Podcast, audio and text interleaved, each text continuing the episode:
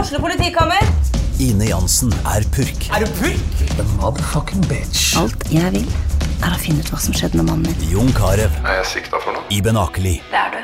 Ole So, Lars Berrum og Big Daddy Karsten. Hvem sin side er du på, egentlig? ja? Anette Hoff, Tone Danielsen, Kommer du fra Afrika? Jørnis Josef, Nesten. Kløfta. Trond Espen Seim, Det er synd å si det, men det var feil mann som døde. Purk. Premiere tirsdag på TV2 Play.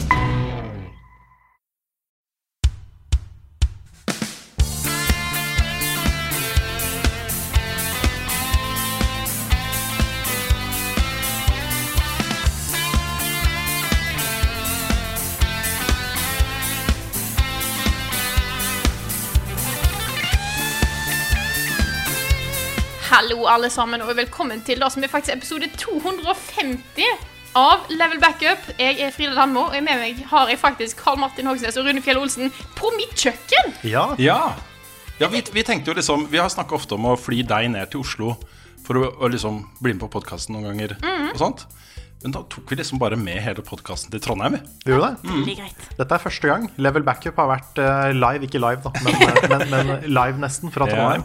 ja. Ja, Så det er eh, ja, Trondheim, vær så god. Nå tror jeg alle de som bor i Trondheim, som har spurt om at du kan komme til Trondheim, er veldig fornøyd. Ja, Absolutt. I hvert Ja, vi- fall de som bor i nærheten av Fridas kjøkken. ja, eller på Ran Ranheim stadion Der har vi også vært. ja. Ja, For det er ikke bare pga. meg dere er her.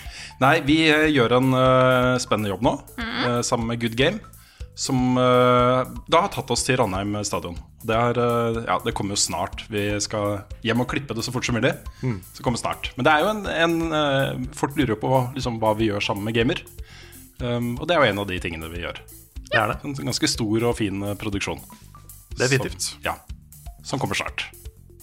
Men det er veldig hyggelig å være her, Frida. Eh, Det er eh, morsomt at du fikk ta turen til Trondheim. Vi har snakket liksom, Det er kult å sitte sammen og lage podkast. Det er det. Ja. Og så er det første gang vi faktisk besøker deg. ja, det er det også. Absolutt, så det er Mm. litt kjekt at dere kommer nå når jeg faktisk har plass til å ha dere på besøk. For hvis dere hadde hatt det i den forrige leiligheten, så hadde det, da hadde det nesten ikke gått. Nei. Nei. Så nå har jeg, hvis, det, hvis dere mister av fly, så har jeg gjesterom der. Og så Ja, kan vi ikke få sant? til- så kan jeg- noen kan sove på sofaen oppe. Ja, Mm. men vi har jo stæsja utrolig mange mennesker inne hos meg før, så det, det hadde gått, tror jeg. Ja. Den var tror- veldig tror- liten, den leiligheten. Ja, det var det. Ja, den var det. Ok. Men så er vi eh, litt reduserte, da. Vi har stått opp, eh, I hvert fall en av oss har stått opp eh, mye tidligere enn han pleier å gjøre. Ja, det har ikke vært så ille faktisk den Ah, uke, ok. de siste par ukene, Ja. for det har vært mye tidlig opp. Ja, ok. Det har vært eh, produksjoner, og det har vært ting i helgene, og det har vært mye Ja, forskjellig. nettopp. Så Ja, men jeg, da. Jeg burde jo egentlig ligge i senga, jeg. Ja. ja, du er ikke helt i For form. å lese Donald og Ja. og sånt. Mens eh, kona kommer og sier 'stakkars deg, så syk du er'. ja. Det er Donald du leser når du er sjuk. Nei, Det var bare litt sånn callback til eh, Det var Fantomet, da. Jeg leste da jeg var barn. Ja, ok. Så, men altså, når man er syk, ikke sant, så kan man ligge under dyna. ja. Få lese sympati. Mm. tegneserier, Få sympati. Ja, litt Så er Altså, vel, cola. og så er det vel det som er litt synd når du er mann, så blir du vel ekstra sjuk. Er det ikke sånn det funker? Ja. Jo, Jo, jo, men det er, er, ikke det, er, er ikke det vitenskapelig bevist at menn blir sykere, faktisk? Ehm, de blir ikke nødvendigvis f- Altså, her snakker du om fysisk eller psykisk sjukere. Kanskje Altså, tenk sånn Ikke nødvendigvis sånn sett. Nå, nå, nå, nå, re- nå drar jeg langt ut på fjorden her, men eh, at eh, de- de kan få samme sjukdommen, men at det føles sterkere. Ja, fordi, ja, Fordi menn Tror er jeg mer jeg fikk- pysete. ja, ja men det, man kan jo velge å se det på den måten. Ja. Ja.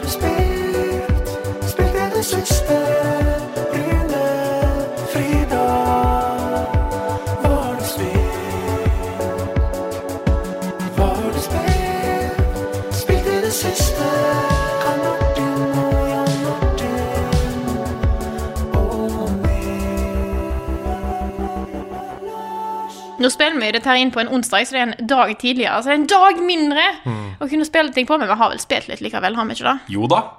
Ja, i hvert fall, i hvert fall litt. Ja. Ja, Skal, jeg, skal jeg begynne, siden jeg har ikke så veldig mye å prate om denne uka her? kjør på.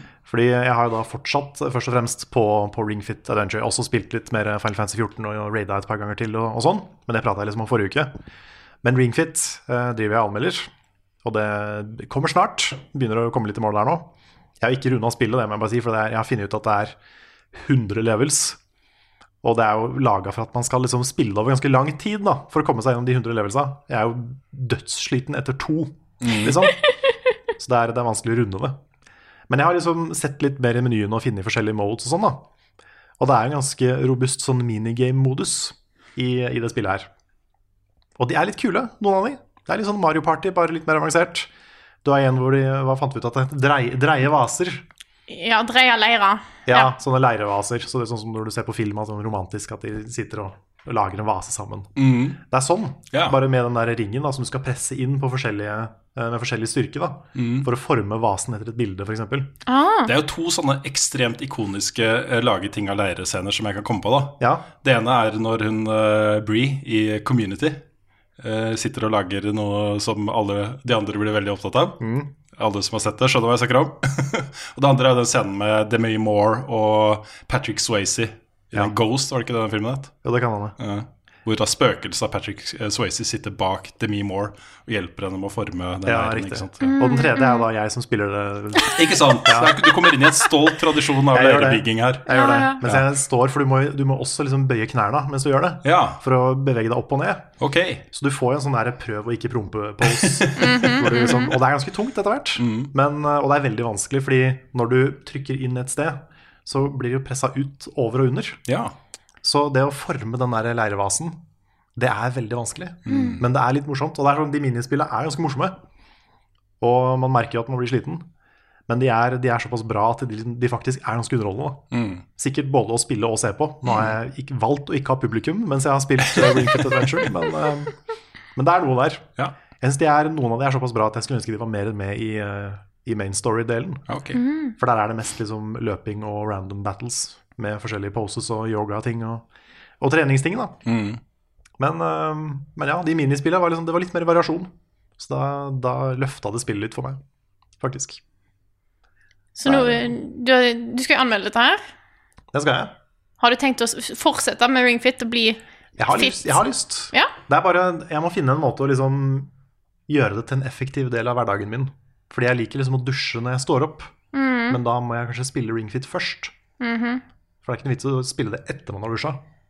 Så det er det, at jeg må liksom, jeg må være våken nok til å spille det før jeg går i dusjen. Så det er en liten sånn Jeg må, jeg må havne der. Mm. Det er det vanskeligste. Det å finne en naturlig plass til det i hverdagen. Men jeg får se. Jeg får prate med folk som trener, finne ut hva de gjør Ja. for å liksom ha, ha det som en smooth del av livet sitt. Mm. Nei, de fleste er jo sånn enten da før de eh, kommer i gang med dagen, skikkelig liksom, Mhm. Ja. eller da etter at de kommer hjem fra jobb, og før de spiser middag og Ja. Mm. sånt. Det er de to som er vanligst, og så er det noen som gjør det på kvelden og sånt også da. Men, Ja, fordi Da må jeg eventuelt liksom bare begynne å dusje om kvelden, Ja. og det er veldig nytt for meg. Det- Jeg har alltid vært en sånn morgendusjperson. Mm, jeg også, Karl. Ja, så det, mm, jeg driver og funderer på det. Men jeg har lyst til å bare virkelig se hvor, hvor langt jeg kommer i det her. Mm. Kona har en sånn greie med dusjing. Eh, nå skal jeg ikke komme med noen sånn skitne detaljer her. Nei, nå er- nå er jeg men hun har jo ikke- vokst opp med en tradisjon om å ta en varm dusj før hun legger seg. Å ja. Det har hun vokst opp med, det gjorde hun hele barndommen. Så når hun dusjer nå, så blir hun kjempetrøtt. For da skal jo he- hele henne tror at hun skal gå og legge seg. Ikke sant? Så hun kan ikke dusje på morgenen. Hun må dusje på kvelden. ja, fordi da er jeg motsatt. Jeg våkner ikke før jeg har vært i dusjen. Mm. Nei, det er litt sånn her også. Ja. Så jeg er litt redd for at hvis jeg begynner å dusje om kvelden, så blir jeg våken. Mm. Det er ikke testa, men vi får se. Nei, du legger deg ikke før tre, da, så Nei, det, de siste, de siste ukene har jeg vært flink. ja, det er Da har nice. jeg lagt meg sånn ett Ja. ish. Ok, Så bra. det, det kommer seg, altså. Omtrent som meg, da. Ja. Mm. Mm. Jeg kommer nok aldri til å bli et A-menneske, men eh, jeg jobber med saken. Jeg Da- har en, jeg har en litt mer sånn vanlig eh, I hvert fall litt mer vanlig Ja, det er bra. eh, uke nå, Det er veldig bra. på kontoret og sånn. Så, Ja, kult. Men ender Prøv. du med da opp med to daglige ledere i Bufkit Nice? altså, vi må, jeg må jo fortsatt være nattlig leder. Ja. Det er jo et eh, ansvar jeg har Ja, tatt på meg. det er Et det. viktig, viktig ansvar. Ja. At hvis vi får en eh, Jeg vet ikke hva en nattlig leder gjør, men de oppgavene er sikkert veldig viktige. Ja da. Ja, Så- ja, ja, ja, ja. Mye brannslukking har jeg hørt. Ja. Mm. Det er, jeg skulle visst hva som foregår når, når du sover. Det er, eh, Buffkitten er et monster. Ja. Men nei, det er eh, stort sett det jeg har spilt. Jeg venter jo egentlig bare nå på eh, for det første å få spilt Death Stranding fra fredag av. Eh, Når det kommer ut for oss vanlige dødelige som ikke har fått det tidlig. Ja. Eh, Og ikke minst Pokémon, som kommer om eh, en uke etter det igjen. Så kommer Star Wars, og det er så mye som kommer. Åh. Så det, det er mest sånn Nå går jeg mer og gleder meg til å spille ting. Mm. Så det, det blir nok mer gaming i ukene framover. For min del. Ja. Skal jeg hoppe da over eh, med Death Stranding som overgang? ja. Gjør det. Naturlig, da. Fordi forrige episode av podkasten så ble det da på en måte del én av anmeldelsen min. Da hadde jeg spilt halvveis. Jeg hadde spilt 20 timer, og jeg endte opp liksom på siste save så står det jeg tror det er 47 timer eller noe sånt. Så det er, hadde spilt omtrent halvveis. Litt under, da. Eh, anmeldelsen min er jo ute, så det er jo ikke noen stor hemmelighet at jeg ga det seks av ti. Og det som skjedde, var jo at det ble jo ikke mer morsomt. Jeg trodde jo, på det punktet jeg var på eh, i forrige podkast, at jeg hadde kommet til det punktet hvor alt åpner seg opp og blir morsommere. Jeg hadde fått noen kule våpen. Eh, det hadde kommet en del veldig kule eh, andre greier som ikke jeg kan snakke om. da. Eh, jeg vil at folk skal få det som en overraskelse i spillet. Eh, men det handler om liksom, progresjonen i spillet. da. Ting hadde blitt morsommere. Men så var det Det var liksom de, de gjorde det ikke noe særlig morsommere. Jeg satt liksom hele tiden og kjempa med en sånn følelse av at jeg burde like dette her. Men god damn it, jeg kjeda meg, altså. Ofte i lange, lange strekk. Jeg, bli- jeg ble skikkelig lei av det. Eh, og når da i tillegg historien liksom gikk i en sånn retning hvor eh, Det sier jeg i anmeldelsen også. Først ble ting liksom hinta til. Det var sånn Å, kanskje det er sånn. Og så blir det liksom forklart. Eh, og da var det sånn Ja, det er sånn, og det er kult. Og så ble det gjentatt igjen og igjen, liksom. Og så, som om vi ikke hadde skjønt det ennå, på en måte. Så jeg, jeg- jeg ble litt sånn irritert av å sitte og så se på dette her. Og det, jeg ble så lei meg. Og det, jeg var liksom så frustrert da, over at ikke jeg likte det bedre enn jeg gjorde. Så det var litt trist, altså. Det er jo det motsatte av det man trodde det skulle bli, det spillet. At det, at det skulle forklare for mye. Ja, Ja. Det var ikke det inntrykket Du, jeg fikk. det er fortsatt ting i historien her og sånn som jeg ikke helt forstår. Eh, og det er en del av de tingene som jeg faktisk forstår, som fortsatt jeg går og tenker på da, hver dag fordi det er så fett. Mm. Så det er masse greier her også, som det er verdt å liksom, ta tak i og eh, dvele litt ved. Mm. Eh, det får vi ta ved en annen korsvei, det må folk få oppleve sjøl. Uh, så det er massevis av ting der som jeg virkelig, virkelig likte. da. Eh, og særlig, og det er en ganske stor del av historien, eh, større enn man først tror, da. Eh, men involveringa til Mats Mikkelsen er bare helt fantastisk. Og f- I starten så tror du at han er bare litt sånn derre eye candy. Nesten Han d- dveler veldig ved liksom skikkelsen Mats Mikkelsen og trekkene hans og features, og han er veldig sånn nesten sånn sensuell da, til stede i spillet. Sånn Mats Mikkelsen-porno. Nesten. Eh, men den, eh, den historien er kruttsterk. Så det er ting her som jeg har tatt med meg, som jeg fortsatt tenker på, og som jeg setter stor pris på. da. Så det jeg er veldig spent på nå, det er hva folk syns når det kommer ut. Jeg tror det kommer til å bli like delt som anmeldelsen er. Jeg har ikke lest en eneste annen anmeldelse av spillet, men jeg har fått med meg at det er mange delte meninger. da. Eh, mange som mener som meg, andre som elsker det. Jeg tror du kommer til å se det samme med folk. Å Jeg har sett anmeldelser som hata det mye mer enn deg òg. ja, ok. Ja. Jeg har sett anmeldelser som er- ikke har fullført spillet, ikke orka. ja. Um, jeg har sett scores nede i sånn tre av ti, tror jeg. Jøss. Så det er veldig blanda. Ja, og jeg setter folk som sier at på en måte, den, den å, å gå rundt i verden, på en måte, den, denne postmann-biten, at den syns de var helt fantastisk og på en måte veldig, veldig gøy da, på sin egen måte. Så jeg tror det på en måte spørs litt hva du er interessert i, hva du liker. Ja, det treffer nok folk på litt forskjellige måter, Mm. det tror jeg nok også. Men øh, jeg tror nok også at dette her er sånn type spill som det er lett å bare hate på, hvis Ja, du skjønner hva jeg mener. ja. Hvor øh, ok, her har alle gått og gleda seg, og Kojima er en sånn autør, ikke sant, en Ja. kunstner øh, som har liksom sine ting, og så øh, da er det veldig lett å komme i angrepsposisjon da, Ja. på, på den øh, måten han lager spill på. Er det, sånn, er det sånn spill som man liksom bare burde, burde puste ut og bare ha det helt sånn stille? Og bare ha litt sånn der meditativt forhold til? Ja, og så gi- Hvis jeg skulle gitt et råd da, til folk om hvordan de bør spille dette spillet, her, så vil jeg for det første anbefale folk å ikke ha en embargo. og helst ikke så utrolig mange andre ting som foregår. Ja. For det kan ha hatt litt innvirkning på hvor sliten jeg ble av å spille det. Ta notater hjemme, ikke, ikke ha embargo. ikke sant? Eh, bare ta deg god tid, og blir du lei, bare legg det bort litt, og så kom tilbake til det seinere. For det er mulig at det hadde løfta opplevelsen min litt, men eh, jeg, jeg mener at jeg har sett på det liksom så fair som mulig, da. Mm. Jeg syns liksom jeg endte opp på et, et sted som jeg kan stå veldig for. Og det er jo fordi jeg har spilt gjennom hele dritten, ikke sant? Mm. Ja, ja. Jeg har sett både én og to rulletekster og alt mulig rart, liksom. Så Og det er ingen som skal tvile på at du er Kojima-fan. også. Nei da. Jeg har, eh, kommet, det har kommet noen seksere fra meg der. Ja. Men Og da eh, terningkast sekser, Ja, terningkast seks, ikke seks av ti. seks av ti. Ja. Nettopp. Ja, Eller- du har- eller du har da, gitt ja. alle, du har Det gitt har alle Kojima-spill sekser. Ja, jeg har faktisk det. Ja, ok, Så det er derfor. Ok, Nå kan konspirasjonsteoriene begynne, vet du. Ja, ja, ja. Eh, eh, men anmeldelsen er da ute. Eh, det er bare å gå og se den. Eh, komme- jeg har liksom holdt meg helt unna spoilere. Det Mm. er spoilere der. Men det eneste som jeg ikke viser som er fra de første tre kapitlene, er fra, henta fra offisielle trailere. Så Mm. folk vet det. Eh, men jeg har spilt noe annet kjempespennende. Har du det? Ja, og det er litt funny dette her, fordi vanligvis hvis man har skikkelig skikkelig ræva nyheter, så slipper man det fredag ettermiddag. Fordi da er det, liksom, da er det helgemodus i redaksjonene rundt omkring, og det er ikke sikkert de gidder å skrive noe om det, for de har allerede jobba med helgemagasinene sine lenge, og kanskje ikke det er plass til saker i det hele tatt. Um, Dette er interessant, for dette er en journalistinnsikt som jeg ikke har tenkt på. ja, Kult. hvis, Likte det er, det. hvis Yes. det er børsnotert, særlig, Ja. eh, så sender du børsmelding med dårlige nyheter fredag ettermiddag. Fordi da stenger jo børsene, ikke sant? og så er det stengt hele helgen. Og kanskje innen mandag så har det skjedd noe annet som gjør at ikke det ikke sant? Mm. Men fredag ettermiddag, sånn tre-fire-tiden, så slapp jo plutselig Krillbite mosaikk. Ja. Og så det bare kom. Jeg hadde ikke fått noe forvarsel på det. Jeg så det på Twitter to timer etter lansering. så jeg at det var lansert. Ja, men jeg lurer på om det var Var det Apple Arcade som bestemte det? Det kan være det. Ja, det, har- det vet jeg ikke. Det vet jeg ikke. For det kom ut på Apple Arcade, ikke sant? Ja, Ja. da, Det er bare på Apple Arcade foreløpig. Det kommer på PC i starten av desember. Ja.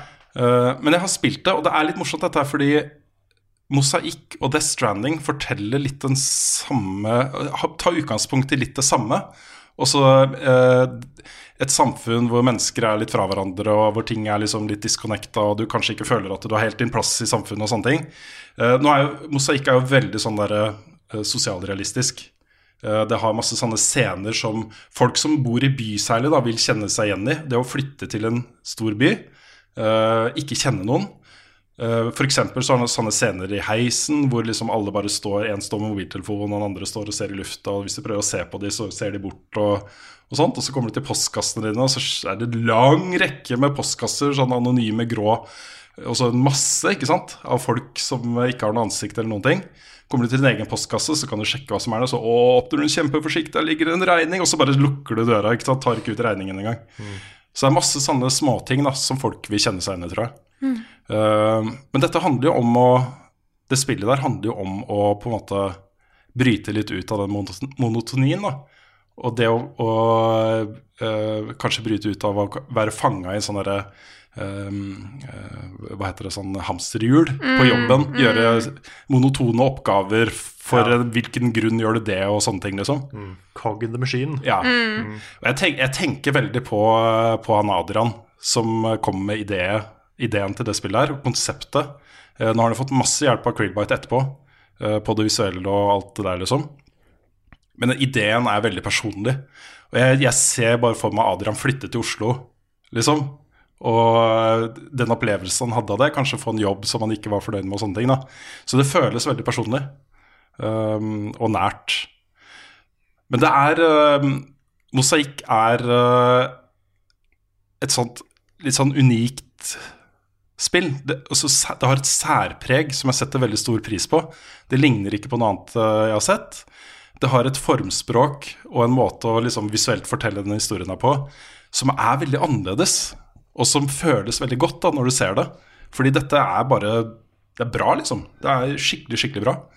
Um, og jeg gleder meg veldig til å se hvor det slutter. Det er ikke så langt spill, men jeg har ikke rukket faktisk å komme meg helt gjennom ennå. da. Men jeg satser på at anmeldelsen kommer eh, om ikke så altfor lenge. Så ja, det var en eh, herlig opplevelse. Kult. Også et spill jeg må få med meg i løpet av året. ja. Ja, heldigvis ikke en sånn 47-timersprosjekt, da. Nei. Som du ikke liker å gjøre, eh, som ikke er Ah. alltid gøy engang.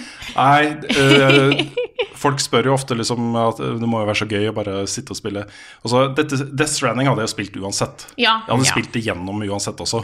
Men jeg hadde foretrukket å spille, spille det uten en deadline, altså. Mm. Det hadde jeg nok. Men jeg må nevne en annen ting med mosaikk, for det er litt kult. Det er jo kun ute på Apple Arcade foreløpig. Ja, det gjør meg litt forbanna, men det er, det er en annen sak. Ja, men jeg har Apple TV.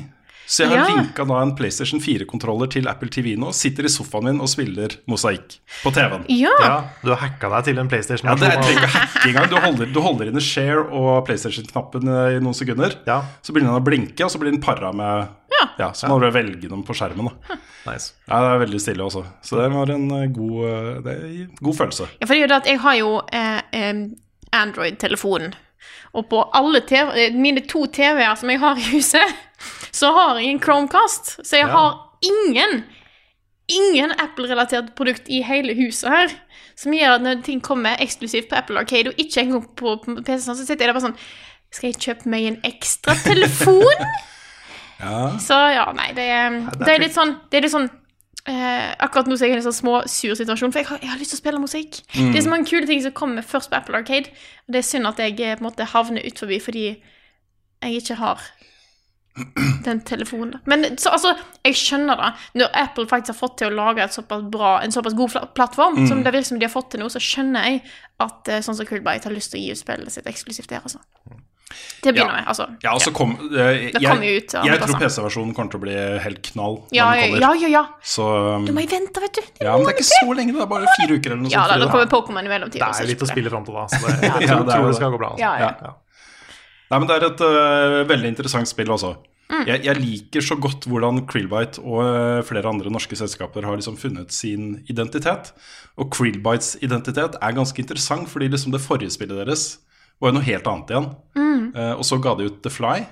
Og rent sånn formmessig The Fly er jo bare et lite spill hvor det er en f- en flue som skal fly opp til lyset, liksom.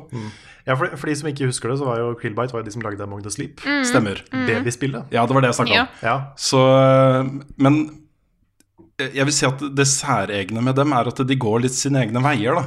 Altså de, de ser på hvert prosjekt som en liten baby, ikke som en starten på en ny franchise eller noe sånt, men som en sånn veldig contained ting som skal ha, være sin egen greie, da. Eh, og det, det føles så sterkt med mosaikk eh, også. Så ja, Kult. I love it. Jeg gleder meg til å teste det der, altså. Mm. Skal jeg fortsette? Det kan du gjøre, Frida. Yes, jeg har jo spilt litt av hvert siden sist, fordi at jeg har jo vært hos deg, Karl, i helga. Det har du. Og vi har spilt Ja, det, ku- det glemte jeg å si. Ja, det, men det er, for du og jeg spilte litt. Men Ja. vi har jo fortsatt på en serie som ikke engang er ute ennå. Nei, men den har jo da premiere 1. desember. Er det 1. desember? Ja, jeg tror det. For Ok. det er en, jeg mener det er en sånn søndag. Ja. Det er i hvert fall den første søndagen i desember. I desember. Ja. Så kommer da Edgehogs. Edgehogs med da Frida og Carl. Yes. Dette er en eh, serie der vi spiller gjennom Shadow the Hedgehog. Spillet som er kjent fra 2005 for å være det spillet som ga en Sonic the Hedgehog-figur et skytevåpen. Og Altså ikke et, bare et ett. vanlig, mange vanlige skytevåpen. Det Yes. ser ut som liksom sånn Call of Duty guns. Ja. Og er da sånn herlig edgy med, med Shadow the Hedgehog, som er den torturerte sjelen i, i Sonic-universet. Mm, Så dette var et spill som vi måtte, som vi måtte dekke. Ja, absolutt. Så det er, altså det, jeg føler det, det er viktig spill å få fram, for jeg har jo ikke spilt det før. Og det er jo litt Nei. da at på en måte, jeg som, som Sonic-fan som hadde lyst, som den e-, edgy teenageren jeg var, som hadde lyst til å spille Shadow the Hedgehog, men aldri men ikke fikk tak i spillet og sånt, nå får jeg gjort det. Og Mm. jeg, Yes. jeg skjønner jo ikke en dritt av historien. For det, jeg har aldri opplevd en spillhistorie som kaster deg så rett ut i ting uten å fortelle deg noe som helst. Nei, det er sant. Du får jo en sånn cutscene eh, i starten, Ja. hvor, hvor Shadow har eh, hukommelsestap, selvfølgelig. Ja, Som ikke egentlig blir forklart, det er bare plutselig han bare er der. Og så på en måte Ja, men det er fordi da må du ha spilt Sonic Heroes. ja det er sant, da. Så det er, det er, det er mye lore her. Ja. Mhm. eh, Og vi skal gå gjennom all loren, fordi vi har drevet og spilt Sonic Adventure 2 på stream. Eh, Vi skal se gjennom noe Sonic Heroes cutscenes. Ja, vi tar siste streamen, kommer snart. Vi prøver, skal bare prøve å finne ut akkurat når det blir. Mhm. Og så kommer siste, og da på slutten skal vi se gjennom litt cutscenes fra Sonic Heroes, sånn at alle, og meg, er catcha opp på Yes. Shadow-historien. Yes. Det er viktig. Jeg ser Du sitter og nikker, Rune. Du er, det, Ja, Du ja. skjønner, det er viktig Ja. Mm. lore, dette her, vet du. Jeg skjønner det. Ja. Nei, så vi har jo spilt allerede gjennom det en, Vi har spilt gjennom en hero run. Ja, det, vi, det er jo sånn måten det spillet her funker på, er at du kan velge. Det er sånn moralsk valgsystem. Mhm. så så du, kan være, du kan være helt, eller du kan være ond. Ah. Og alt imellom. Ja, alt imellom. Det, det er jagerflyet i Trondheim. Det er en ting. jagerfly. Ja. Ja, det var, jeg vet ikke om folk hører det, men det var, kom plutselig Det går nok bra. buldrelyd. Men, eh, men ja, så du har jo masse forskjellige levels. Der hvor du blir sendt eh, til forskjellige baner avhengig av hva du velger å gjøre på banen. Så vi spilte jo først som du spilte som en hero, Ja. hvor du var den snilleste, beste shadowen du kunne være. Yes. Så spilte vi en neutral run. Og så gikk vi på full evil, Yes. som basically er fascist shadow the hedgehog. og det er, um, Men det er jo da hero-delen som er canon, da. Ja, Så skal vi avslutte hele serien med å, med å spille the final ending. Og det er den du får når du har spilt gjennom alle ti. Ti forskjellige paths Wow. med forskjellig grad av snill og slem, da. Ja. Så uh, hvis ikke jeg finner en save til neste gang vi skal spille, Ja. så kan det være at jeg må runde Shadow the Hedgehog sju, sju ganger til. Vi får, vi får se. Vi får se hva vi gjør med det. Men vi kom oss i hvert fall gjennom det. Mm. Vi er jo litt, eh, det, det er noen levels der som gjorde meg rett og slett litt forbanna. Eh, for ingenting eh, Altså, det var ikke så lett å finne ut hvor vi skulle gå. Nei, det er jo Eh. Eh. alt det, det man vil gjøre i Sonic-spill, er jo å samle 50 ting på en bane, f.eks. Og og det er ikke alltid like morsomt. Nei. Så, eh, men vi, kommer, så, eh, vi har gjort det, så det er på en måte gjort. Så nå eh, har vi i hvert fall litt content i den Ja, serien. vi var veldig effektive på søndag. Altså, vi Var det? Mm. spilte, jeg tror vi spilte til sammen i hvert fall fem timer. Så vi er mye, mye video. Det blir jo kutta ned, det her. Så det blir, Ja, ikke, det ja. blir ikke 40 episoder. av Dere Charlotte. dere skal slippe å se oss s- altså, sitte fast og være sint på, den- på Det er vel to barn vi satt fast på og bare var eh, Ja. misfornøyd. Sikkert på sånn ti minutter er bare høytlesning av en walkthrough. Men det kommer i hvert fall. Det kommer. Men så har jeg begynt på noe annet. Ja. Fordi jeg har eh, når jeg, så, eh, jeg fikk spilt i går, eh, når jeg endelig hadde litt tid, så fikk jeg begynt på Luigi's Mansion 3. Nice. Og jeg har jo et veldig sånn sterkt nostalgisk forhold til Luigi's Mansion. Og jeg spilte det jo igjen for et par år siden eh, som klassikerinnslag til Level Up. Og det er jo et spill som jeg er bare er så utrolig glad i. For det er noe med at når Nintendo skulle lage et, Luigi's, med, altså et spill om Luigi, eh, og bruke så mye tid på å gi den karakteren i det spillet så utrolig sjarmerende i den grad at det var Mario hopper nå rundt og sier noe greier, men Luigi har ansiktsuttrykk, han har et kroppsspråk som er helt noe ulikt enn det du ser på en måte bare på Mario-karakteren. Og i Luigi's Mansion 3 så har de tatt det fem steg videre. For ah, hver gang han blir skremt, så ser du at på en måte måten han går etterpå, at han fortsatt er redd. Eh, han har sånne små, Når han smiler, så er det små rykninger liksom øverst. Liksom, du ser at det liksom, faktisk, han smiler ordentlig. Det er altså så mye sjarm i det spillet. Jeg spilte det vel i tre timer i går, tror jeg. Eh, jeg gleder meg til å fortsette. For dette er akkurat det jeg ville ha. Eh, et stort, nytt Luigi's Mansion-spill. Med masse nye kule ghosts og eh, nye ting. Jeg har gått rundt som Guigi, som er jo en klone av Luigi som er Ja. lagd av Gu. Eh, jeg er spent på å se hva, de, hva kreativt de gjør med den videre. For akkurat nå så har jeg bare kommet gjennom på en måte, de standard basic. Se, med en Guigi så kan du gå gjennom sånne ne- nett og sånt. Så da har jeg, på en måte, jeg har gjort da. Jeg er bare spent på å se hvor de tar det videre. For jeg synes at som regel så klarer de å få til en del kule puzzle mechanics, Nintendo, som er litt mer kreative og sånt. Så jeg, eh, jeg gleder meg. Så langt veldig, veldig, veldig, veldig positiv. Um, men en liten del av meg det er, Jeg prøver å få han litt til sides. En liten del av meg sitter og tenker på sånn Er det bedre enn originalen? Er det bedre enn originalen? Er det bedre enn originalen? Så jeg prøver liksom, jeg ender opp med å være i en sånn der tankesett der jeg sitter og tenker bare sånn der, ja, men det er jo kanskje dette her var det gjort litt bedre før, men det er jo helt unødvendig, for spillet i seg selv er veldig bra. Så jeg, jeg må jeg bare få den tanken ut, og må på en måte sammenligne det så intenst som jeg gjør, og bare på en måte nyte det for det det er, og så kan jeg heller ta den diskusjonen etter hvert. Mm. Men det er sånn, på en måte, det, når det er, kommer nytt spill i en serie som jeg er så glad i, så blir du litt hengt opp i det. Så jeg skal prøve å på en måte bare nyte det, så se hvor, eh, hvor spillet tar meg. Ja, kult. Mm. Hvor var det liksom Luigi sin historie begynte? Var det, var det i Luigi sin Nei, det var det første Paper Mario. Så har Luigi litt sånn, han har en liten rolle.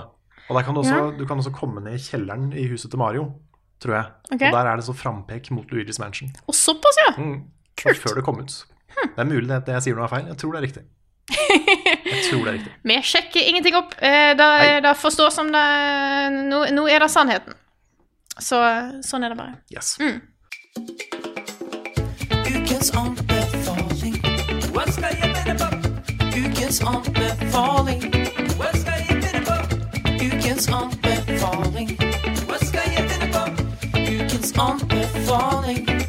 Jeg tar ansvar for ukens anbefaling. Ja, men bare hvis du anbefaler en TV-serie, Frida. OK, da, da går greit. Dette er, jo, det er noe som både jeg og du har sett, Rune. Så det er jo, eh, da er det veldig greit å anbefale, fordi vi har sett første episoden av serien His Dark Materials. Ja, Som heter da His Dark Materials og ikke The Golden Compass eller noe annet tull. Men altså, jeg skjønner jo hvorfor altså, først, altså, Det er jo en bokserie som heter His Dark Materials. Ja. som har tre bøker. The Golden Compass, eh, En kikkert arab og Den skarpe seg kniven. Mm. Eh, for jeg husker det på norsk. Og det har jo vært en film tidligere som heter The Golden Compass, Ja. som ikke er så Det er en kul film, men ikke så bra sammenligna med bøkene. Nei, også Min eh, historie med både bøkene og den filmen da, er at jeg begynte å lese bøkene. eh, og jeg husker ikke hvorfor, men jeg k- kom ikke så langt. da. Så tenkte jeg da filmen kom, eh, så hadde jeg lyst til å se den. For, for å kanskje da komme inn i bøkene via filmen. Men så fikk den så dårlige anmeldelser Så da var jeg sånn, vet du hva, det gidder jeg ikke, jeg får heller gå tilbake på bøkene. Så jeg er bare drithappy jeg, for at jeg har lagd en skikkelig kvalitetsserie nå. Ja, fordi altså jeg, eh, jeg har et veldig nært forhold til disse bøkene. Jeg eh, las de da jeg var yngre. Eh, utrolig, utrolig gode eh, ungdomsbøker, vil jeg si. Eh, som òg kan nytes i senere tid, vil jeg absolutt påstå. Eh, kule historier. Eh, jeg, kan hu husk, jeg husker fortsatt mange scener som står veldig sterkt. Jeg har lest dem flere ganger. Eh, og har også begynt på den eh, nye trilogien som har kommet ut. Jeg har lest den første, jeg har ikke lest den andre. Den har jeg glemt ut, men jeg skal lese. Men jeg er så glad for at nå har tar de det opp som en serie. Mm. Fordi at det var jo en periode rundt da The Golden Compass kom ut, der de skulle lage filmer av sine ungdomsbøker. sant? Det er The Golden Compass, Eragon, Percy Mm. Jackson, alle disse her. Ingen av de gjorde Altså var ikke, de- Ingen av de var en god representas- representasjon av bøkene, syns jeg. Eh, og det er Det jo kan litt hende at Harry Potter hadde noe med det å gjøre. Ja, Altså, vet at du, da har det du aldri liksom, det lager- hadde jeg Det glemt. var det. ikke så lenge etter 'Ringenes herre' heller. Det var Nei, liksom ok, rundt, rundt ja. den tida der. Ja, så det var veldig mye film skulle lages. Mm. Men nå er jo TV-serier på liksom den s- store trona her nå. Og jeg er så glad for at de tar tak i denne historien her som en TV-serie. For da har de mye mer tid til å gå gjennom hva alle disse historietrådene, karakterene, utdyper mye mer. Og så langt, nå er det bare én episode som er ute, Mm. Ja. men gud så mye de fikk eh, Ja, den var gått bra, gjennom altså. der. ass. Herregud. Mm. Den var skikkelig bra. Jeg er veldig glad i fantasy som ligger tett opp til vår verden. Mm. Som også Neil Gaiman har skrevet mange bøker, da. Som foregår på en måte i vår verden, men det er ting her, liksom. Og kanskje alternative verdener og andre verdener og sånne ting. Mm. Eh, og det blir gjort så bra, altså. Du er liksom på Oxford, men det er noe rart her, og det er liksom Ja, alle Samling. mennesker har en, en demon som Ja, er, det er en, en, kult, altså. Ja, sånn dyre eh, gjenskapning av deres eh, sjel, på en måte. Mm. Eh, Litt sånn Patronus, nesten. ja, bare at den alltid er der. Den Ja, alltid den er er en der. sånn familie. Jeg husker jeg har, Og den sett, snakker og ja, jeg har sett den filmen som har fått dårlig omtale. Ja. Så jeg, mm. Nei, jeg er veldig spent på å se hvordan dette her går, men jeg tror det virker som at dette er en eh, Selv om du ikke har lest bøkene, så dette er en Ikke, ikke se filmen, begynn på serien. Og det er Ja. jo en BBC-serie som går på HBO. Er ja, det sånn? ja, det er jeg ikke sikker på, men Ja. Mm. eh, ja, ok. Ja. Eh, og hvis jeg la oss rett på Reddit, så har de allerede på en måte fått tommel opp for tre sesonger. Ja, det er nice. Altså Setupen her, da, hvis folk ikke kjenner eh, His Dark Materials eh, så godt, så, ehm, så Så er det jo Dette foregår i en verden hvor du har et ministerie som har veldig kontroll over alt som skjer. Og så har du The- The College da, på Oxford, som er på en måte den scholar-delen av samfunnet. Ehm, og så er det noe som heter Dust som kanskje, if- ifølge da første episode, kan være en slags portal til eh, multivers. Altså andre virkeligheter og andre verdener og parallelle verdener og sånt. Som da eh, Nå husker jeg ikke hva noen av disse personene heter.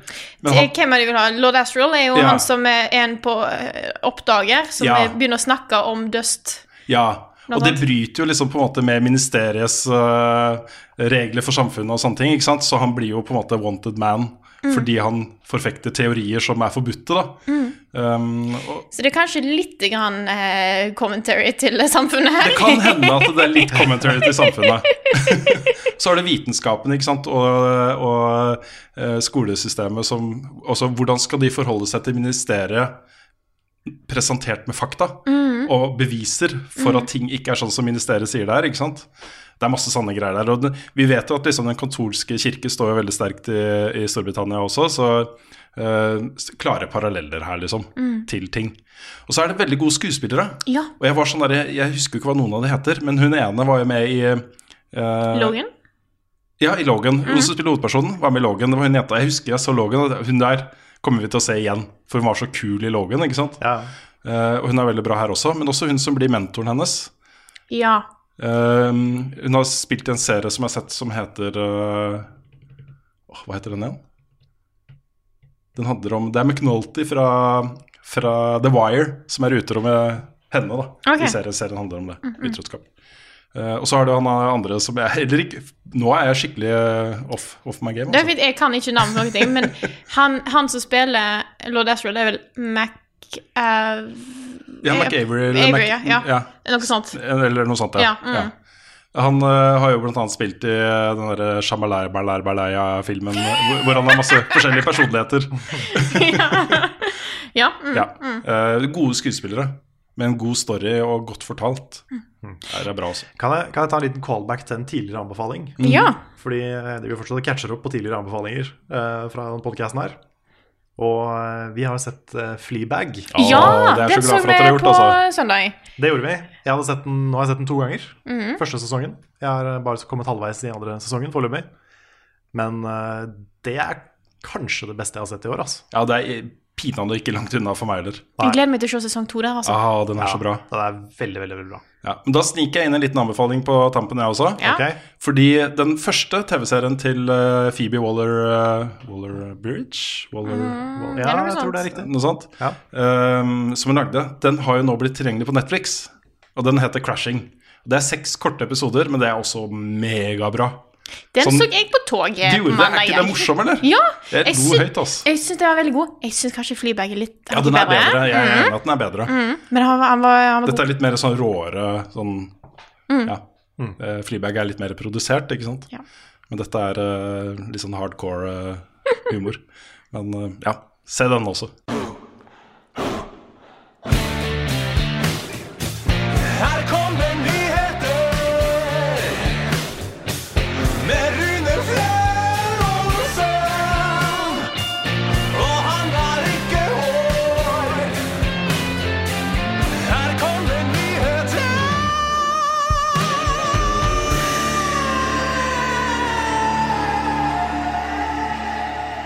Ja, Vi må begynne med en, eh, det som i utgangspunktet er jo en gladsak, men som har endt opp med å volde ganske mye hodebry for ganske mange mennesker, inkludert meg selv. Jeg hadde jo håpa at jeg kunne snakke om Red Dead Redemption 2 på PC i hva vi spilte i det siste. Jeg satte meg ned for å spille det, men jeg fikk jo bare blue screen når jeg prøvde å installere det. Nå- Jeg fikk ikke installert det engang.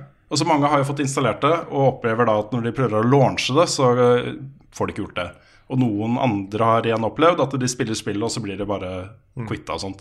Men den faktisk blue screen, Blue screen, faktisk blue screen. det er liksom litt ekstra dramatisk. Ja. Ja, det er ekstra, ekstra dramatisk. Jeg syns det var helt weird. Altså. Det har- har ikke skjedd på den PC-en. eh, I hvert fall ikke med installasjon eh, av et spill.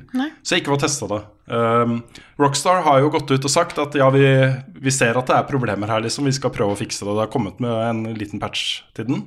Som skal fikse noen problemer, og så skal de jobbe videre med det. Så, men det er synd da at en så stor lansering blir så prega av det. Det er jo en megathread på Reddit Ja, det tror jeg på. med disse problemene. Jeg kan jo lese litt fra de eh, løsningene som noe folk der har funnet ut da, for å få det til å funke. Eh, da må jeg ta av meg brillene. Eh, noen sier da at eh, de har hatt hell ved å disable antivirusprogrammer. Eh, andre sier at de har eh, kl- fått til ting hvis de har eh, oppdatert biosen. Eh, manuelt oppdatering av Windows har funka for noen. Eh, og så er det noen som også sier at det å fysisk plugge ut harddisken deres Ja. har funka. Til slutt så blir det sånn her, det blir så mye at man orker ikke. Nei, det er litt sånn. Så nå sitter jeg bare og venter på at de skal fikse Men det. det funker, Men- sikkert, det funker sikkert hvis du tar, tar ut harddisken, tar den med ut eh, på, på et jorde, spinner tre ganger, Ja, ja, ja. Hopper, eh, ho- hopper fem ganger, Ja, går tilbake, sprayer den med litt vann, eh, og så pusser den litt, Ja. Mm. og så setter den inn. Da kommer det til å funke. Da kommer det til å funke. Dette høres ut som det Ok, det heter et eller annet eh, sånn ko- kausal hva, hva er det? Altså, det, det at noe skjer, betyr ikke at det er en sammenheng. Å, ja. Kanskje. Ja. Jeg vet ikke. Eh, Det er veldig synd at det ble sånn. For dette er liksom en såpass stor lansering og, og sånt. Men eh, i eh, PC-spillere, vet du, vi er jo vant til at eh, launch kan være litt rocky. Så Correlation ja, versus correla- causation. ja det, jeg driver og søker det opp nå. Så det, ja. Mm. så det er correlation versus causation. Så det, det er jeg, Det kan være tilfelle Jeg tror ikke det har nødvendigvis hjelp å ta ut harddisken. Men altså, du vet jo aldri! man vet du vet aldri, aldri, du man vet vet aldri, aldri. man vet aldri. Nei, for jeg har prøvd eh, liksom å starte maskinen på nytt og sånne ting. Installere på andre disker. Jeg har prøvd masse. Men jeg gleder meg til å teste det på PC også. Og ikke minst så har det jo allerede begynt å komme mods. Og Det kan jo bli gøy. Ja, der Mm. er det Thomas Haag allerede. Ja, det vet jeg Regner ikke. jeg med. Og Det, Shrek. det, det må jo inn. Ja. Ja. Mm. Nei, og så har det jo vært eh, BlizzCon i helgen, og det var jo mange som var spente på, på hvordan det BlizzConet ble, etter alle de kontroversene rundt eh, Blizzard og Kina og sånt eh, i det siste. Ja. Det fullstendig ukontroversielle sel- Mm. selskapet Blizzard om dagen. Og de eh, innleda jo hele BlizzCon eh, som de måtte, med en eh, unnskyldning. Ikke alle som aksepterte unnskyldningen, men de anerkjente i hvert fall at eh, de hadde handla overilt. Mm. Ja. Det var liksom gjentagelse av den Ja. av forrige beklagelsen Ja. de hadde. Det var ikke så mye nytt. Nei, på en måte. Men hvis de hadde bare kjørt i gang, da, tura i Åh. vei med Diablo 4 og Overwatch 2 uten å snakke om det, så hadde det F- Folk sitter liksom Tror jeg mange sitter særlig i salen der, da. Kjøpt billetter til BlizzCon, ikke Mm. sant. De er Blizzard-fans. Ehm, og kanskje hatt litt problemer med å dra dit i, midt i Mm. alle disse kontroversene. De leter jo etter en anledning til å liksom lene seg tilbake og kose seg med de eh, nyhetene som kommer. ikke sant? Og det fikk de, da, føler jeg, ved at de anerkjente det på den måten de gjorde. Så har det skjedd ting etterpå som gjør at man kanskje ikke helt tror på unnskyldningen, men vi har snakka så mye om det, vi trenger ikke å si Nei. så mye mer om det nå. Så nå kan vi mer dekke det som på en måte kommer av nyheter, for det er viktig for spillmediet, uten at vi nødvendigvis hyper Blizzard som firma. Ja, ja. Yes. Eh, og da var det jo særlig to store nyheter. Eh, det var flere, men de to største er nok Overwatch 2 eh, og Diablo 4. Og Diablo 4, Ingen av de har fått dato, forresten. Nei? Det kommer bare én gang, og sånn er jo Blizzard alltid. Det kommer når det er ferdig, liksom. Eh, men Diablo 4 skulle bli veldig, veldig mørkt. Veldig Ja. mørkt. Og det var jo, det var jo to sånne kortfilmtrailere. ja. eh, og det var veldig kule trailere. Så la meg bare eh, på en måte legge litt sånn eh, Til til side bare sånn Faen, den cinematikken til Diablo 4 var jæklig kul. ja da. Åh, Og det var litt morsomt eh, jeg, På Twitter så så jeg at flere av de som hadde vært med og animerte, eh, var ute og sprakk av stolthet for den cinematicen. Jeg sitter og jobba med det, og liksom jobba med sånne små, bitte små animasjoner i ansiktet. Og det var det eneste jeg hadde gjort. da. Men eh, det var de stolte av. ikke sant? Og det er gøy å se da den stoltheten rundt arbeidet deres. For det er nesten liksom en kortfilm, så jeg tror nesten, selv om du ikke er Diablo-fan, så syns, vil jeg tro at folk syns den er kul. Mm. Jeg så en eh, herlig sånn eh, eh, video på YouTube for litt siden med alle disse spillene, både Diablo og WoW og alle de store PC-spillene. De har gjerne helt usannsynlig fete cinematics. Og Blizzard er veldig god Ja, på det. ikke sant? Men så er gameplay da er liksom veldig litt annerledes. Ja, ja, altså, altså det, det, det er derfor jeg syns det er kult at et spill som Diablo får en sånn Mm. cinematic trailer. Ja da. Det er stilig. Eh, Når det gjelder Overwatch 2, så syns jeg det hadde en veldig interessant tilnærming til å gi ut en oppfølger. Fordi dette er jo et eh, sånn eh, Games as a Service-spill. Eh, folk har investert massevis i skins og alt mulig rart, liksom. Eh, ikke minst i progresjon for eh, characterene sine. Så Overwatch 2 blir optional, er vel kanskje riktig å si. Det får en singleplayer-campaign med nye og gamle heroes eh, som du kan spille i co-op. Altså en story, rett og slett. Eh, men hvis ikke du har lyst til å spille den, så får du liksom alle de nye multiplay-komponentene bare klistra på Overwatch 1. Så eh, du må ikke kjøpe den, men hvis du vil eh, ha story-biten, så kjøper du Overwatch 2. Sånn som jeg forsto det, i hvert fall. Jeg har ikke satt meg inn i den i det hele tatt. så Jeg tror det ja. er en, eh, ja, en korrekt eh, gjengiv- gjengivelse av hvordan de ser på det. Um, og det er jo Det kommer til å bli ganske mange heroes her etter hvert. Ja. Det Eh, kommer massevis av nye nå. Du kan beholde alle de gamle, alle skinsene dine og alt mulig rart. Kan du flytte over til Overwatch 2. Så um, det er blitt et stort, uh, stort univers, dette her. Mm. Og så uh, ble det jo annonsa en ny um, expansion til World of Warcraft som heter Shadowlands. Yes.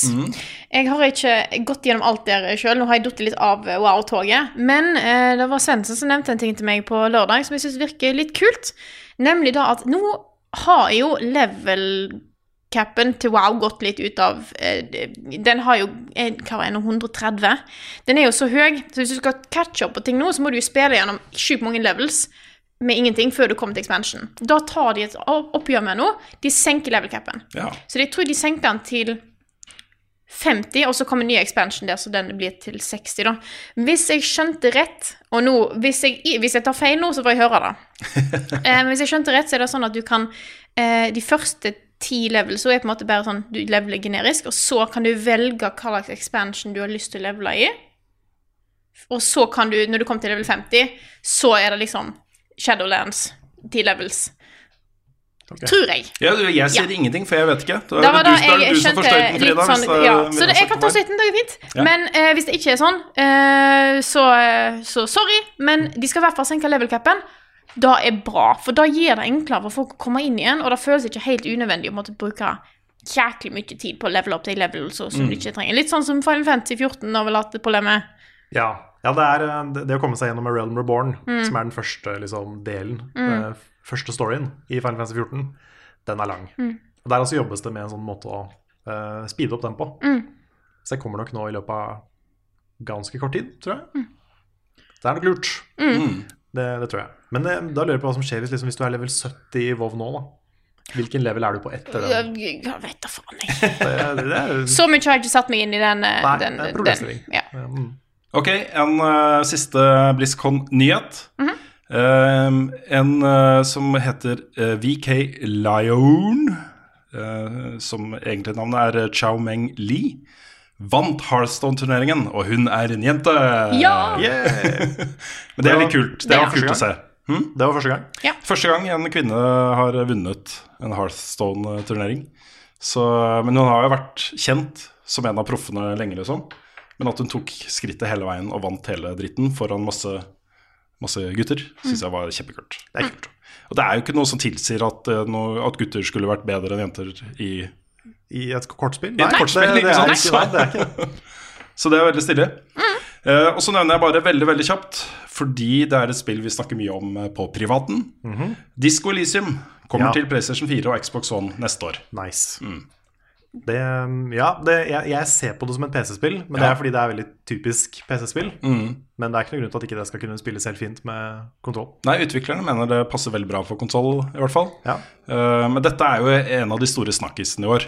det er det. Jeg har ikke fått spilt det mye, men veldig fascinert av det lille jeg rakk å spille, for jeg måtte kaste meg over på andre ting. Mm. Jeg tror jeg er sånn ti timer ute i det nå, Ja, og eh, jeg må spille det gjennom. For det- jeg tror nesten garantert kommer det til å være på topplista mi Mm. Ja. i slutten av året. ja det, Hvis jeg får eh, kommet meg lenger, så er det nok på mine også, tror jeg. Og nå blir jeg pusha til, da, fordi at nå har, dette, har jo, dette er jo fortida for deg som hører på podkasten, men da blir jo streamen på onsdag. Ja. Fordi da sitter dere på et fly, og noen må ta streamen, og da blir det meg. Ja. Det skjer jo faktisk etterpå nå for oss. Ja. Ja. Det, Yes. jeg kommer til å se den streamen etterpå, for jeg har lyst til å se en stream av Disco Elysium. Ja. Så jeg er dritspent på hva du kommer til å velge og sånn. ja. Det kommer til å bli gøy. Herlig. Kommer Rune sin standup på DVD, eller? Jeg selger ikke guttenavn. Hva er det du kaller sitt? Hvilket språk snakker Frida egentlig? Og vi fyrer i gang spørsmålsspalten eh, med et spørsmål fra Ingar Takanobu Hauge, som spør hva finner dere på når dere er så sjuke at dere ikke orker å spille? Nå har jo du vært litt sjuk, Rune. Høyt rele høyst relevant eh, spørsmål. Nei, det, er- det, er, det går jo i film og TV-serier. Det er gjerne TV-serier, kanskje. Ja. Um, men det er litt rart f- når man, når man er sånn sjuk som jeg er nå, da med litt feber og, og sånt, så er det ikke så mye man orker, vet du. Man orker en halvtime, kanskje, f- øh, så man klarer å mobilisere krefter til å se noe eller spille noe eller noe sånt. Um, det er ganske kjipt, altså. Så det blir liksom mye å bare å ligge og stirre i lufta eller å prøve å sove eller et eller annet, liksom. Jeg orker jo ikke å lese. Jeg har ikke lyst til å se noe skikkelig bra på TV heller, liksom, for det er jeg ikke helt i form til å se det. da. Nei. Nei, det er, det er sjelden jeg er så dårlig at jeg ikke orker å spille, da. Ja, Det er ofte sånn når jeg er dårlig, så orker jeg fortsatt Kanskje ikke spille noe nytt, noe som jeg må konsentrere meg om. Nei, å sette nettopp. meg inn i. Men hvis, jeg, hvis det er noe liksom jeg kjenner fra før, da går det. Ja, for det, det svaret mitt blir liksom Destiny 2. Ja, Hvor jeg kan bare gå inn og grinde ut et eller annet liksom, for å få tida til å gå, da. ja sant. Så Ellers så er det å ligge på sofaen og ha podcaster på, det også funker. Mm. Da er det ofte man sovner, og så finner du ut at man har sovet gjennom halvparten av podcasten. Ikke sant? Men eh, bortsett fra det, så funker det. ja. Jeg eh, spilte mer da jeg var sjuk før. Nå er det mer sånn hvis jeg er sjuk, så er det sånn Nå skal jeg ta igjen ting som jeg ikke har fått sett ellers. Og da blir det mye serier, film jeg har tenkt på at jeg kanskje skulle se en gang. Litt sånne ting, da. Eh, så jeg går veldig fort til det. Ja. Ja, YouTube blir det mye av. Mm. ja. Litt sånn gamle thrillere. Thrillere jeg kanskje til og med har sett før, men som jeg har glemt litt. Det har jeg, forrige gang jeg var sjuk, så gjorde jeg det. Da så jeg liksom eh, The Firm og en del gamle sånne rettssalstriller og sånt. Da. Det, var, eh, det var faktisk Det kan anbefales. Ting du har sett før. men Du husker ikke akkurat hva som skjer. Nei, sånn, ja. Mm. Ja, så du trenger ikke å følges sjukt godt med, da, men øh, ja. Men jeg merka veldig godt det. Nå har det vært øh, siste uke med Death Stranding som tok så mye tid og sånne ting. My- Mye jobbing. Jeg jobba hele helga også. Så det at jeg våkna opp på tirsdag og var sånn Jeg bør jo på jobb og lage spilluka, men vet du hva, jeg kan ikke. Bare da jeg tok den beslutninga om at dette går ikke, jeg må bare Og så nå er jeg sjuk. da følte jeg meg bedre med en gang. At jeg kunne ta en dag hvor jeg bare lå helt flat og Mm. slappe av, liksom. Så eh, det viktigste er det, da. Ikke ha, fylle hodet med masse greier. Bare slappe av og Mm. bli frisk. Men jeg tar jo, fordi at jeg også har lyst til å se hva jeg eh, sp- spiller når jeg er sjuk, og da hopper jeg rett inn i spørsmålet til Trond Sinfor Borgersen, så dipp, dipp, dipp, Ja, dipp, men dipp, det- dipp, dipp, dipp, dipp. det- ok. Vi kan, det, jeg vet ikke om det var litt vel eh, Jeg tenkte men- jeg skulle bare ta det kort, men vi kan ta Nå har jeg allerede introdusert det, nå har vi dratt det så langt, så nå kan du få lov til å ta den. Du har den. Jeg har den der. Han spør hva spill spilte dere mye da dere var sjuke som barn? Oi, det var nesten samme spørsmål. Ja, bare for Ja. nå er det hva, hva spilte vi når vi var syke, Ja, ikke ikke sant. Hmm. hva gjorde dere når dere ikke får spilt. Fordi jeg, eh, dette er faktisk litt relatert til eh, det som jeg har snakka litt om før i dag. Fordi jeg hadde en periode der jeg hver påske ble skikkelig sjuk. Sånn full influensa, feber, alt mulig rart. Hmm. Og vi er som regel på hytta. Det har vi ikke så mye muligheter. Vi har vår Sega Mega Drive, så jeg spilte gjennom Sonic og Tiny Toon og eh, Truxton. Eh, En herlig sånn space shooter-greie. Men det var en gang jeg var, jeg var skikkelig syk. Faren min hadde vært hjemme på Stord. Så tok han med seg GameCuben. Og så spurte han hva vil du ha. Og jeg, tok, jeg sa nei, jeg tar med litt sånne ting. Og så eh, tok han det med, og så innså jeg at eh, det var ikke med noe minnekort med den GameCuben. Og da satte jeg meg ned og spilte igjennom Luigi's Mansion. ja. Så da er det, det, tilbake igjen til Luigi's Mansion. Eh, for jeg kan huske det som er veldig sånn Jeg satt og spilte hele dritten. Så tapte jeg på siste boss, Oi. og da var det jo Da var jeg out, da. ja. Så den husker jeg fortsatt. Akkurat den følelsen var sånn Jeg kom nesten gjennom hele på Ja. én playthrough, for jeg kunne ikke skru av GameCuben eller noe som helst. Så den dagen, bare dedikert til Luigi's Mansion Jeg Mm. tror kanskje jeg lot GameCuben stå på over natta i tillegg ene dagen. Så tapte jeg på siste boss. Uff a meg. Ah. King Bu, ass. Ja. King Bu. Så da, jeg vil bare ta opp den. Mm. Yes. Det minner meg om eh, min eh, litt sånn clutch-situasjon da jeg var liten. Som, bare som sikkert også da jeg var sjuk, bare så for å liksom prøve å relatere deg til Mm. spørsmålet. Men eh, det var veldig lenge jeg ikke hadde Nintendo 64, men fikk lov å leie en Nintendo 64 på videobutikken. Som ikke, det er sånn som ikke fins lenger. Kanskje det er noen som hører på podcast som aldri har vært i en videobutikk. Så gamle har vi blitt. ja, ja, ja. Men eh, Ok, boomer. ja, men det gikk jo an, det gikk jo an å, eh, å leie konsoller på sånne noen ganger. Så det gjorde jeg noen ganger. Og da fikk jeg med Donkey Kong 64. Og det er jo et dritlangt spill hvor du må ha 120 bananer for å komme til siste boss. Og jeg klarte det, men så måtte jeg levere tilbake spillet. Å nei. Men så tenkte jeg ok, hvis jeg forter meg og bare leier det igjen neste helg, så kan jeg fortsette. Men da har jeg selvfølgelig en eller annen drittunge sletta saven min. Ikke sant? Ah, Mm. Så det, det var et sånn evig problem. Ja. Jeg håpa for hver gang at eh, saven ikke skulle være borte, men den var alltid borte. ja. The struggles. Ja. Så det var mange, mange påbegynte Donkey Kong 64. Mm. Men når jeg er sjuk, så er det Det var mest Det var veldig mye Sonic. Sonic 3 and Knuckles. Mm. Der hadde jeg en sånn her lang remse med 100 complete av saver. Ja. Så det, det gikk mye i det. Ellers så, når jeg var litt eldre, så var det jo veldig mye Final Fantasy. Mm. Det ble en god del playthroughs av de òg. Jeg hadde ikke spilt konsoller da jeg var barn. Nei? Nei. Så jeg hadde pong liksom en stund. så da jeg var syk, så kunne jeg ikke liksom be de jeg kjente med Commodore 64 og Atari og sånt, komme til meg med konsollene sine. Så det ble tegneserier og sånt isteden. Mm. Og Sky Channel, som da kom etter hvert på 80-tallet. Ja, og jeg husker eh, Vi bodde rett borti veien for ei sånn videosjappa. Der de hadde utleie av film. Så jeg husker da hadde jeg liksom ei liste med ulike filmer. som var sånn, Så jeg var sjuk, så gikk mor mi bort.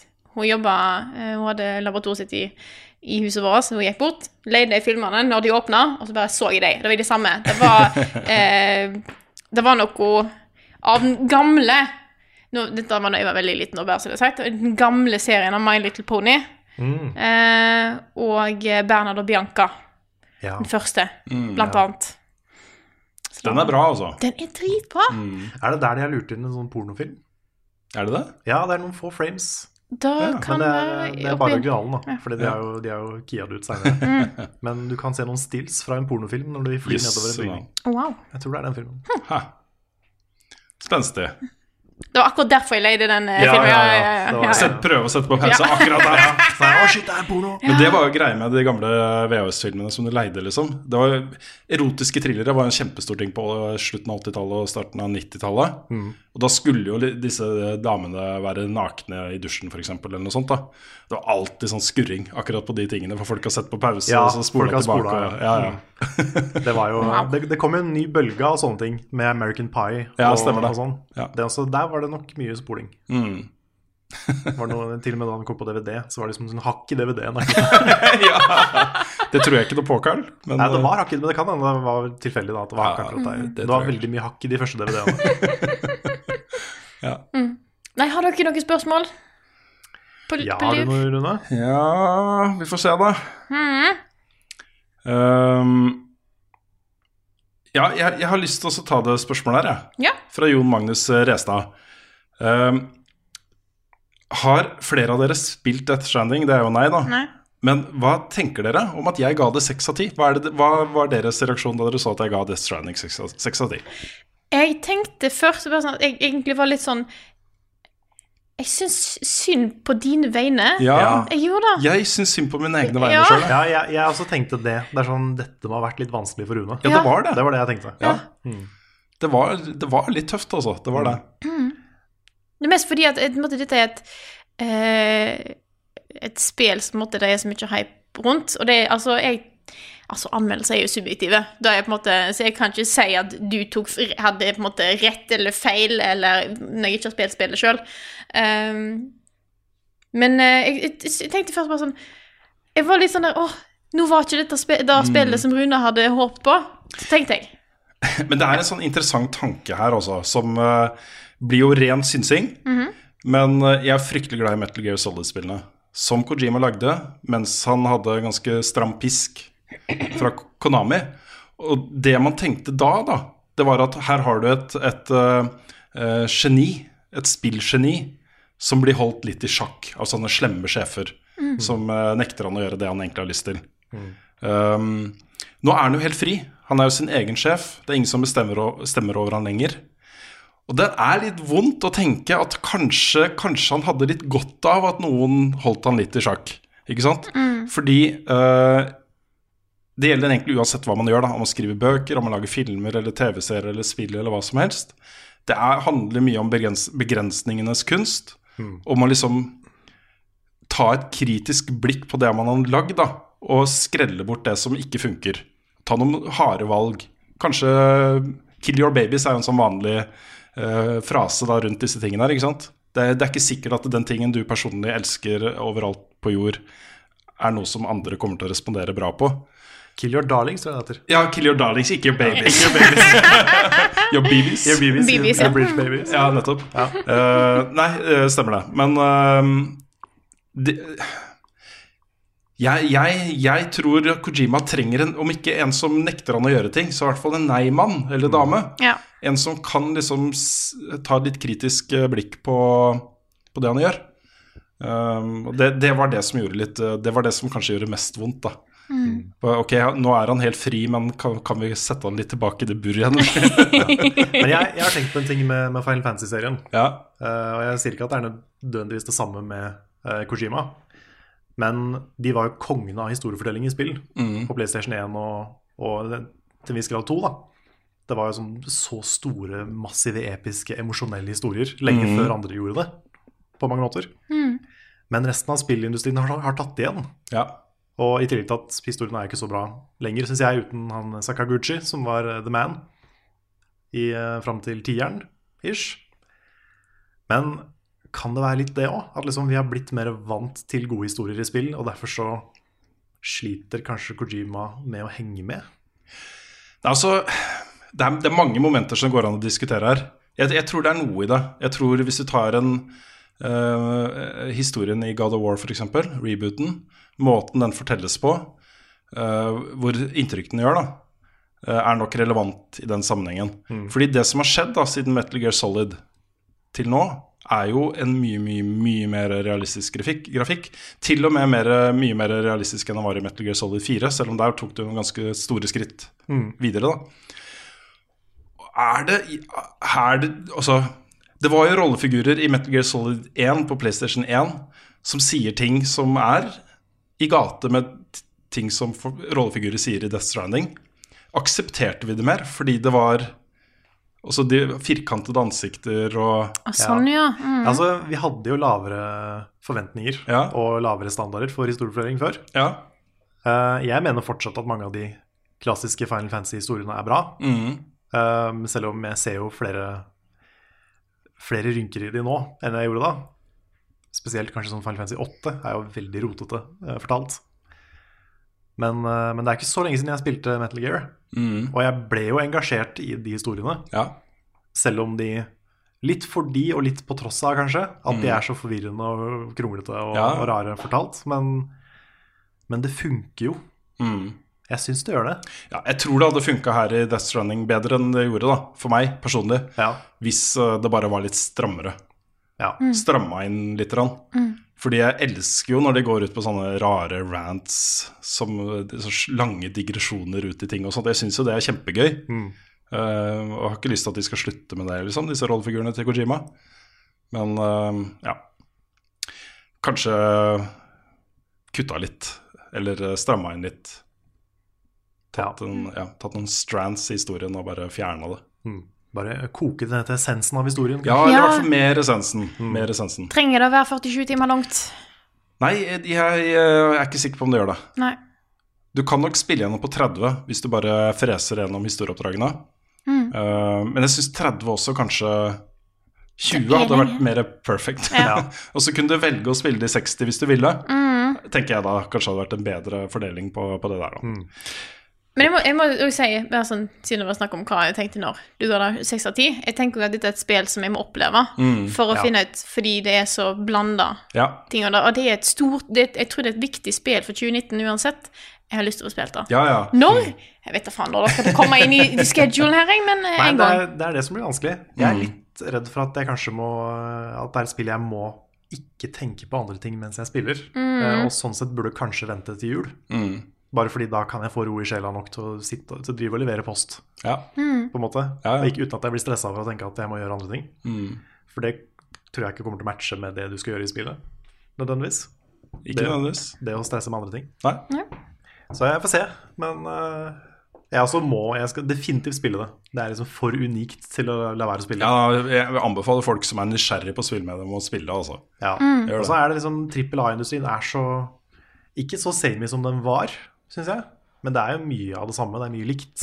Og det er få spill som tar så svære sjanser som det Death Stranding gjør. Da. Ja. Det er jo et indiespill, vet du. ja, det er jo det. Ja, det er jo, men også trippel A, på en måte. Ja, det er det. Det er Mye noe der. av eh, æren må jo Grilla Games ta. Han har jo fått låne hele det som er engine deres, som Ja, også for jeg, jeg så jo det var jo en sånn der, eh, t- et monster i Death Stranding som jeg kjenner igjen Det fra, er fra Horizon, ja. Ja, ja. Mm. ja. Det er en del linker til Horizon der. Ehm, disse skapningene da, som du kan sette ut, de er jo der for å på en måte linke spillere til hverandre. Så akkurat den tingen er det eh, Jeg husker ikke, det sto et eller annet om at når det, når det er i nærheten av en sånn eh, og møter en annen spiller, eller en annen spiller også er i nærheten, så vil dere kunne få visse fordeler. Jeg vet Ok. ikke, det var et eller annet sånt. Så, um, men den engine er bare bunnsolid. Eh, fantastisk. Så ja. Og så er det litt spennende med polariserende spill. Ja, jeg er helt enig. Det er det. Sånn der, hvis noen gir det en tier, og noen gir det en firer, liksom, hva er det med det spillet her Ja, ja. som gjør at det er så splittende? Absolutt. Det er litt ekstra mystisk. Det er det, og så er det gøy at spillmedier kan på en måte, føre hadde sånne følelser der folk bare liksom blir så Mm. Enig. blanda. da. Mm. Yes, jeg har et eh, spørsmål her fra Jostein Rajesh Johnsen, som Ok. spør "Hvor- hvordan unngår dere copyright strike når dere bruker kjente melodier i videoene deres? Nå blir det mye linka til Death Stranding her, da. Fordi vi hadde en issue der hvor eh, Det er en av de tingene jeg likte aller best med spillet. Men det er jo et helt fucking soundtrack fra et band som heter Low Roar. Og det er helt tydelig at han har gått og hørt på den musikken her mens han har designa spillet. Fordi det er, musikken passer så godt til stemningen som man prøver å skape. da.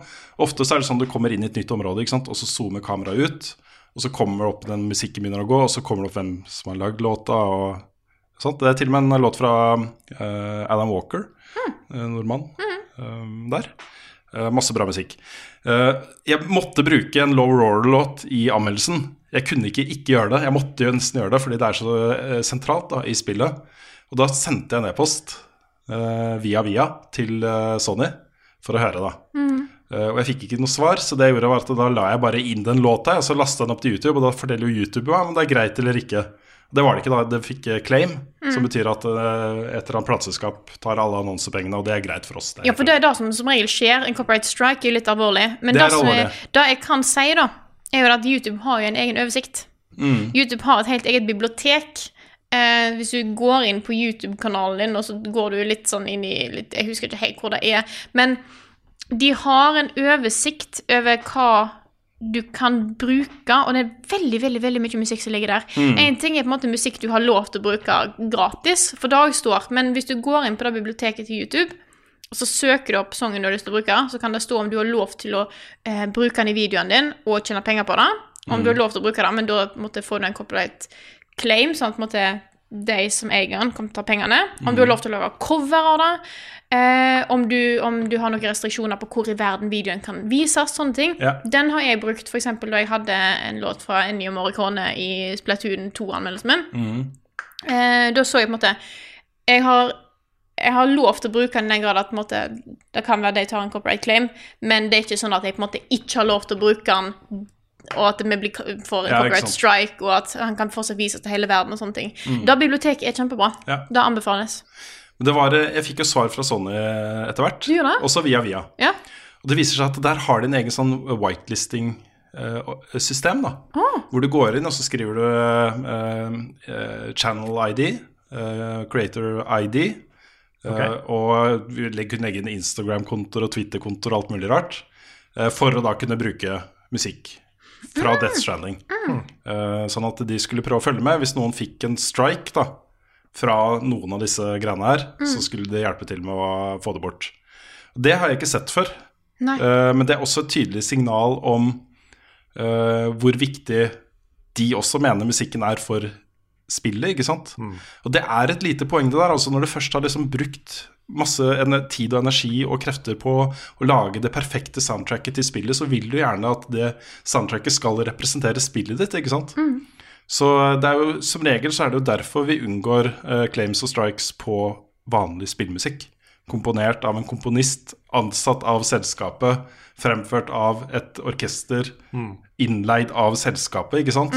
Eh, til bare dette spillet. Det er lagd for spillet, eh, og da kan vi bruke det. Men det betyr jo også at vi ofte kan bruke den musikken til andre typer videoer, fordi det kommer jo ikke noe claims på det. Ja. Så det er ofte, ofte safe å bruke litt spillmusikk. Spillmusikk er ofte safe, ja. Men noen av disse spillmusikkomponistene er jo veldig knytta til eh, plateselskaper og andre businessgreier, liksom. Ja, veldig mye vocal tracks er vanskelig. Ja. Ja. Og sånn som Jesper Kyd, for eksempel, som har lagd noen av det beste spillmusikken ever. Bare prøv å bruke noe Jesper Kyd-musikk på YouTube, skal se hvordan det går. Det går ikke så bra. Nei. Så um, Men vi har jo også prøvd det, altså, hvis jeg først skal bruke spillmusikk i Jeg bruker eh, som regel i anmeldelser musikk fra spillet jeg har anmeldt. Ja, så ikke ikke det er sant. Mm. liksom introgreier, det har jeg putta på litt av hvert.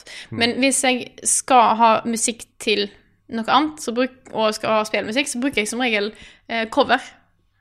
Ja, og det er veldig, veldig greit å gjøre. Ja. Det Mm. er utrolig mye remix-greier på YouTube, blant annet. Ja. Og på ocremix.com og sånne ting. Og der, der finner du så mye bra. mm. Eh, og det, du kan også bare søke på spill- spilltittel, og så remix Mm. OST eller noe sånt. Ja, På YouTube så finner du masse. massevis. Og det er veldig mye av det som er veldig bra. Ja. Men det er et eh, viktig spørsmål, altså. Det er det. Fordi er det tre strikes, og så er du ute? Eller? Ja. Er, det ikke, er det ikke bare to? Nei, jeg tror det er, jeg tror det er tre. OK. Ja, når du får den tredje, så blir kanalen Ja, sletta. Ja, ja. Og det um, Det har vi ikke lyst til. Nei. Og får du én, så kan du også få en del restriksjoner Ja, det stemmer det. på videolengde og sånt. I hvert Hva- fall. hva Sånn, var det sånn fi- var det før, men jeg vet ikke om det er sånn. Ja, for vi fikk en da vi la ut de lekka bildene av eh, PS4 Pro. Ja, Ja, stemmer da. da. Da var Sony ute etter blod. Ja. Så de, eh, de, de bare tok ned videoen vår. Der Ja. hvor vi snakka om en leak som noen andre hadde. Ja, Men fikk vi copyright strike? Ja, ja, jeg fikk vi gjorde det, strike på ja. den. Mm. Men er den fjerna? Den ble fjerna til Ja, slutt. ok. Det gjorde det. Men det var, det var litt problemet for oss. For da fikk vi restriksjoner på hva vi kunne legge ut. Og da, Mm. Ja, lengden på videoer og det var en del sånne ting. ja, da ble vi ganske pissed på Sony. Å ja. Unngikk å snakke om det i lang tid. ja ikke Ja, sant? ja. Ja, det var en, eh, det var en eh, festlig eh, Mm. Men det affære. er, det er fortsatt skummelt å tenke på at et selskap som ikke liker nyhetene vi snakker om, kan Ja. bare gå inn og liksom Ja. penalise ja, det er kanalen ikke helt bra, altså. YouTube er ikke helt perfekt. Nei. Men det har, vi har jo også muligheten, da, hvis man er i tvil, liksom, å ha sånne eh, tullekontoer på YouTube. Hvor man kan laste opp ting for å sjekke hva algoritmen til YouTube sier. da. Ja. Det går jo an. Mm, For da får du, jo- du får jo beskjed umiddelbart etter at den er ferdig rendra. Og ja da, Om det dette går er fort. greit eller ikke. Ja. Det er også noe som heter eh, jeg tror det er Jim Sterling som har coina The Copyright Deadlock. Ja. Eller, noe sånt. eller Content ID Deadlock. Ja. Hvor du med vilje legger inn to ting som får copyright claim fra forskjellige steder. Ja. For da er det ingen som får pengene. Nei, ingen får pengene. Så det, det også er altså en fin Og så kommer det ikke annonser på videoen i det hele tatt. Nei, det er jeg litt usikker på. Jeg tror ikke det gjør det. Jeg tror kanskje ikke det gjør det. nei. Nei. For, hvis, eh, for den- noen er jo sånn at eh, du kan bruke, eh, bruke låta eller innholdet her, men da tar vi alle, alle annonsepengene. Ja. Mm. Og så er det andre som er sånn ja, du kan bruke det innholdet her, men da får du ikke lov til å annonsere på den. Ikke sant? Og da kansellerer de hverandre. Mm. Ja. Jeg har eh, et spørsmål her fra Martin Herfjord. Det, Mhm. det er sånn vi sikkert burde, burde tenkt på på forhånd. Elsker Mm. Eller- sånne spørsmål. Jeg Kjør tror på. det må være siste. Ja. Ja, eh, det er eh, Hvilken spillfigur har dere kjent dere mest igjen i? Ja. Hmm. Og da snakker vi liksom eh, personlighetsting, Ja, jeg tenker kanskje? personlighet. Ja. Ja. Jeg, for jeg føler det er mest sånn deler av figurer jeg har kjent meg igjen i, ikke nødvendigvis hele karakteren. Mm, mm. Men jeg husker jeg ble sånn blown away av Vivi i Final Fantasy 9 da jeg var sånn 14. Hmm. For han var sånn liten filosof, Mm. og det gikk litt inn på meg. Og så um, er det liksom deler av eh, Sora i Kingdom Hearts som jeg skulle ønske jeg var mer. Hmm. Litt den der eh, Det ordner seg, Mm. på en måte. ja. Det som har truffet meg hardest, er jo de rollefigurene som eh, er eh, fedre. Og hvor farsrollen og, og sånt har vært sentralt da, i temaet. Jeg vil ikke si jeg identifiserer meg med de rollefigurene, men det handler mer om at de snakker om ting og føler ting og opplever ting som jeg kjenner meg igjen i. da. Eh, sånn som Kratos i God of War, eh, eh, Last of Us, D- den type spill Mm. da har jeg følt en ganske sterk connection til rollefigurene.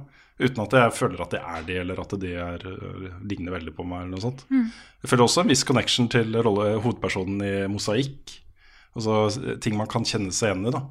Eh, 25 år gamle meg eh, kjente seg igjen i eh, rollefiguren i eh, åh, Det derre Night in Woods-spillet. the Woods skulle Night til in å the si det Mm. Woods. sjøl. Ja, Night in the Woods var veldig Mm. Ikke sant? Men litt for flere karakterer, da. Det er ikke bare én, liksom. Ja, det Det- var liksom, ja jeg, jeg kjente igjen deler av meg i alle sammen, nesten. Ikke så mye Greg og Angus, kanskje, Mm, Nei. men sånn eh, May og B. ja. Der var det mye. Mm. Nei, jeg, jeg vet ikke. Jeg, jeg vet ikke om jeg forbruker øh, underholdning på den måten. At jeg, at jeg identif- identifiserer meg så mye med rollefigurene at det betyr mye for meg. Da. Nei, for det er, da er kanskje det som fascinerer meg, med at det er veldig mange som sier at de må spille en, eller vil helst spille en spillkarakter av samme kjønn, sånn at de skal identifisere seg mer med han.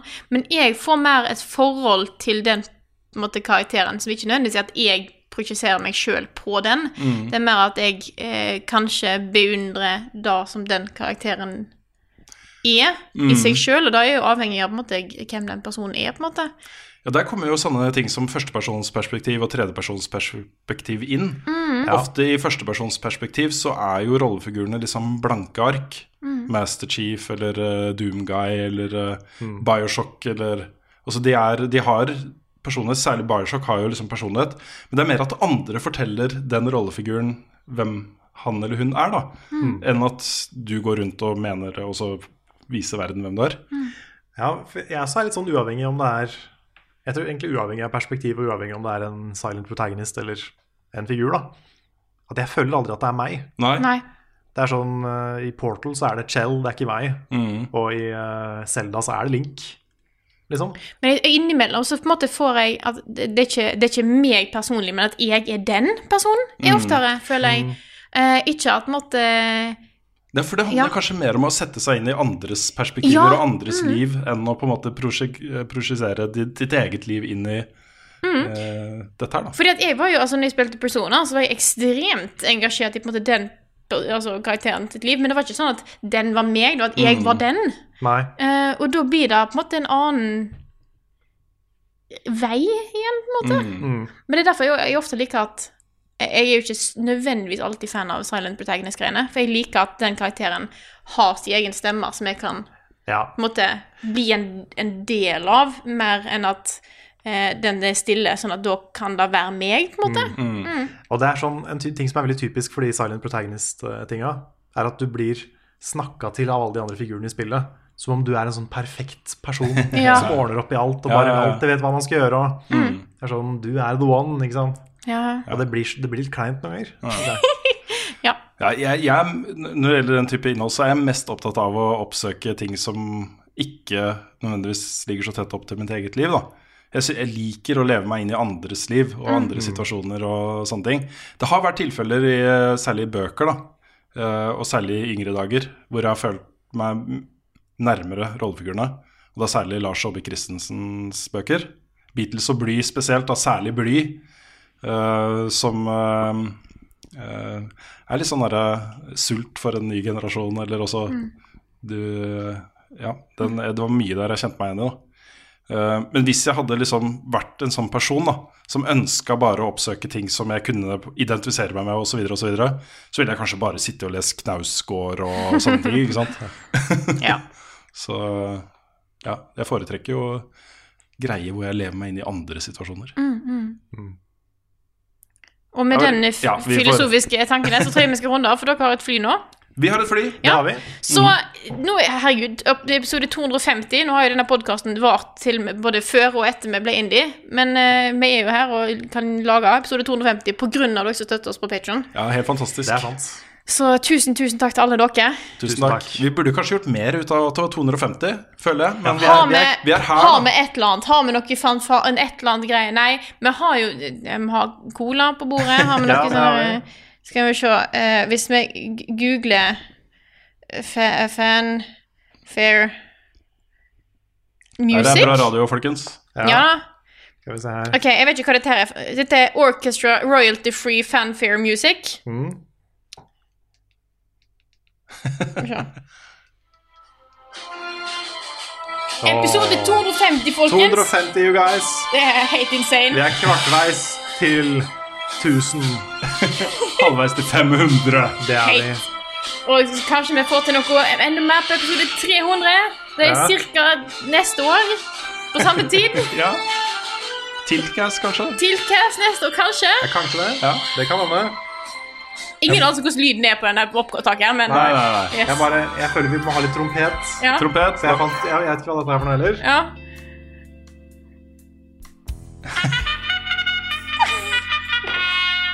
Ja, den har jeg brukt. ja, ja, den her er standard. Episoder, ja. Ja, ja. Jeg trodde, jeg trodde det skulle være litt, litt mer sånn lystig. Men Ja, ja, ja, ja, ja. Da har vi fått en trompet, altså. Ja. Og, og, med, og med den så sier vi tusen takk for oss. Takk for at du hørte på denne episoden her av Level Backup. Og så snakkes vi igjen neste uke.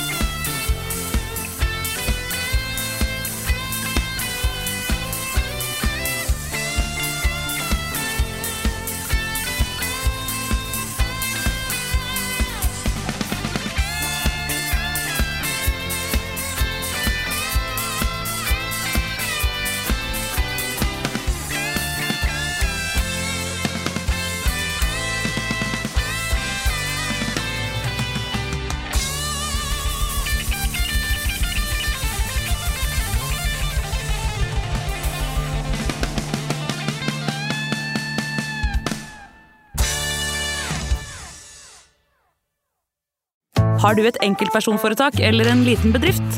Da er du sikkert lei av å høre meg snakke om hvor enkelt det er eh, med kvitteringer og bilag i fiken, så vi gir oss her, vi.